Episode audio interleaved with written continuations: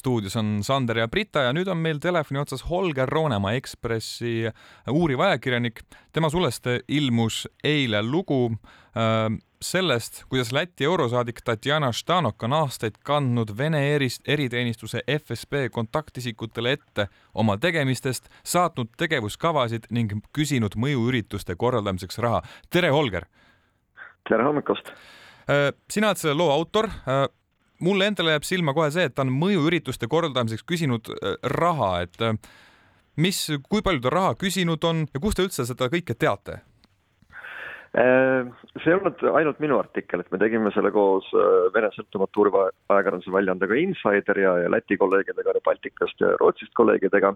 et meile lekkisid, ehk siis Insiderile, Insiderile lekkisid e-kirjad, mida siis äh, on Stanoka äh, saatnud ja mida on Stanokale saat-, saatnud omakorda siis need, needsamad FSB äh, ohvitserid. Äh, e-kirja leke, seal on mõnikümmend kirja, mis, mis meie valduses praegu on ja need seda näitavad.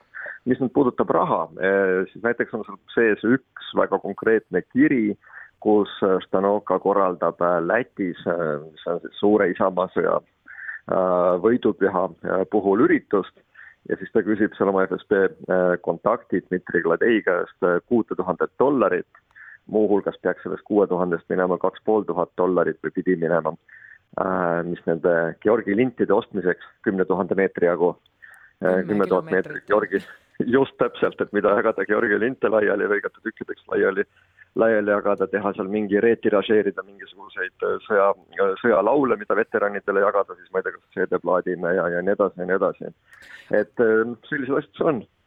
Holger, kümme kilomeetrit Georgi linti on kunagi siis soovinud tellida Läti eurosaadik ja teie saite sellest teada, ma saan aru, lekke abil. kuidas on selline asi võimalik, see oli minu esimene küsimus, kuidas on niisugune asi võimalik, et ajakirjandus kirjutab sellest ise esimesena, enne kui vastavad asutused sellele jaole saavad?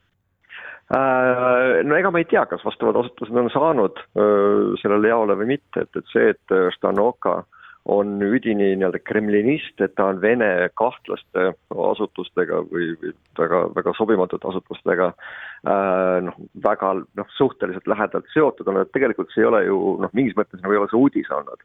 Et ta on kapo aastaraamatuski on, on Stanoko esimest korda astus üles kaks tuhat neli juba ja pärast seda veel korduvalt ja korduvalt. küll aga tõesti ei ole mitte kunagi varem sellised e-kirjad avalikkuse ette tulnud Eh, mis väga noh, mis nii üks-üheselt ja otse seovad siis Stanoko FSB ohvitserid ehk siis Vene, eh, Vene julgeolekuasutuse ohvitseridega, küsides nende käest raha. ja sellised lekked muutuvad üha tavalisemaks eh, ajakirjandusmaailmas.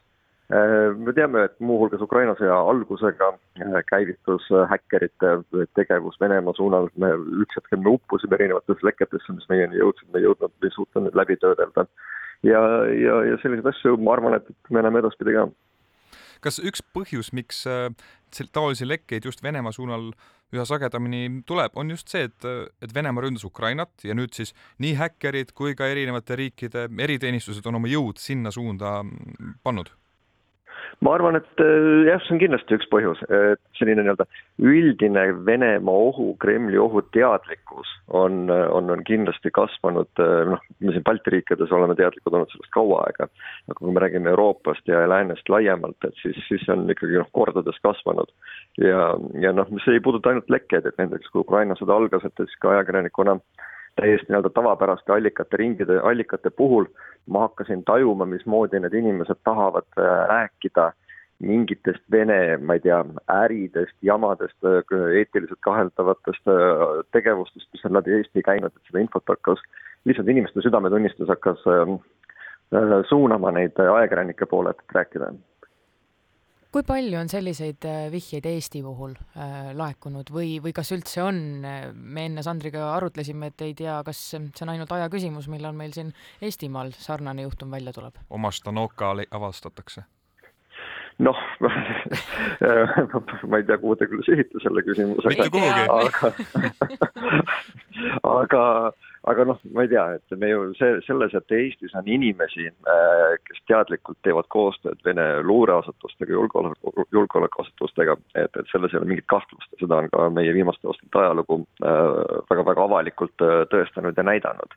ja nüüd viimane juhtum ju alles siin jaanuari algusest, kui kui, kui Tartu Ülikoolist Vjatšeslav Morozov äh, kinni peeti süüdistatuna siis ühe Vene julgeolekuasutusega koostöö tegemises, millise, seda isegi minu meelest me, me ei tea siiamaani noh, mind väga huvitaks ka need emailid.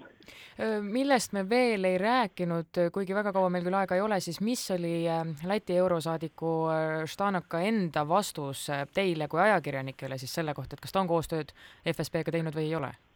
Et temal jääb äh, õigust ülegi. aa, ta oli kuri ka teie peale?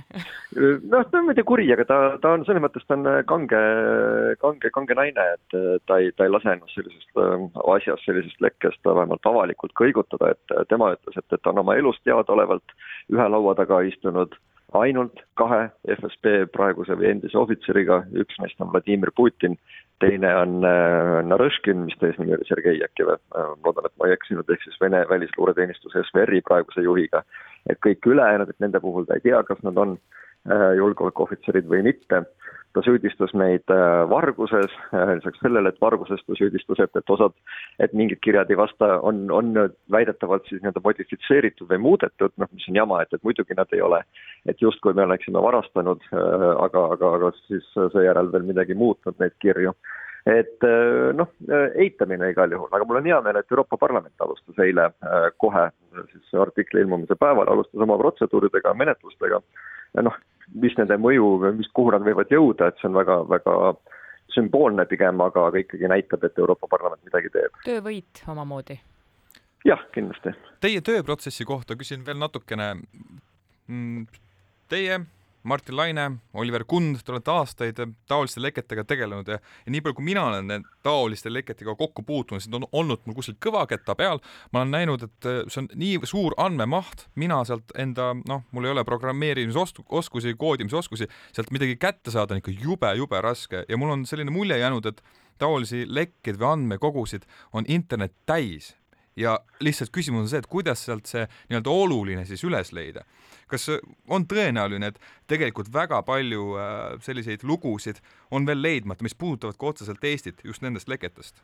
Ja, ja kindlasti, nagu ma ütlesin, et Ukraina sõja algusega, ma arvan, seal oli terabaitide jagu oli, oli neid lekkeid, et, et meil on need kõik kuskil äh, kuskil välisel kõvakettal olemas, mis sellel hetkel lekkima hakkasid, aga me, me pidasime, me üritasime, me proovisime, panime tööpäevi nende selle alla, et neid lugeda, aga ühel hetkel me lihtsalt äh, ei jõudnud, ei, me ei suutnud kõike läbi töötada, sest et need on organiseerimata, nad on erinevates failides, nad on nii-öelda äh, masinloetamatu tekst on paljudes kohtades ja nii edasi, et, et see, see tõesti ei ole lihtne töö.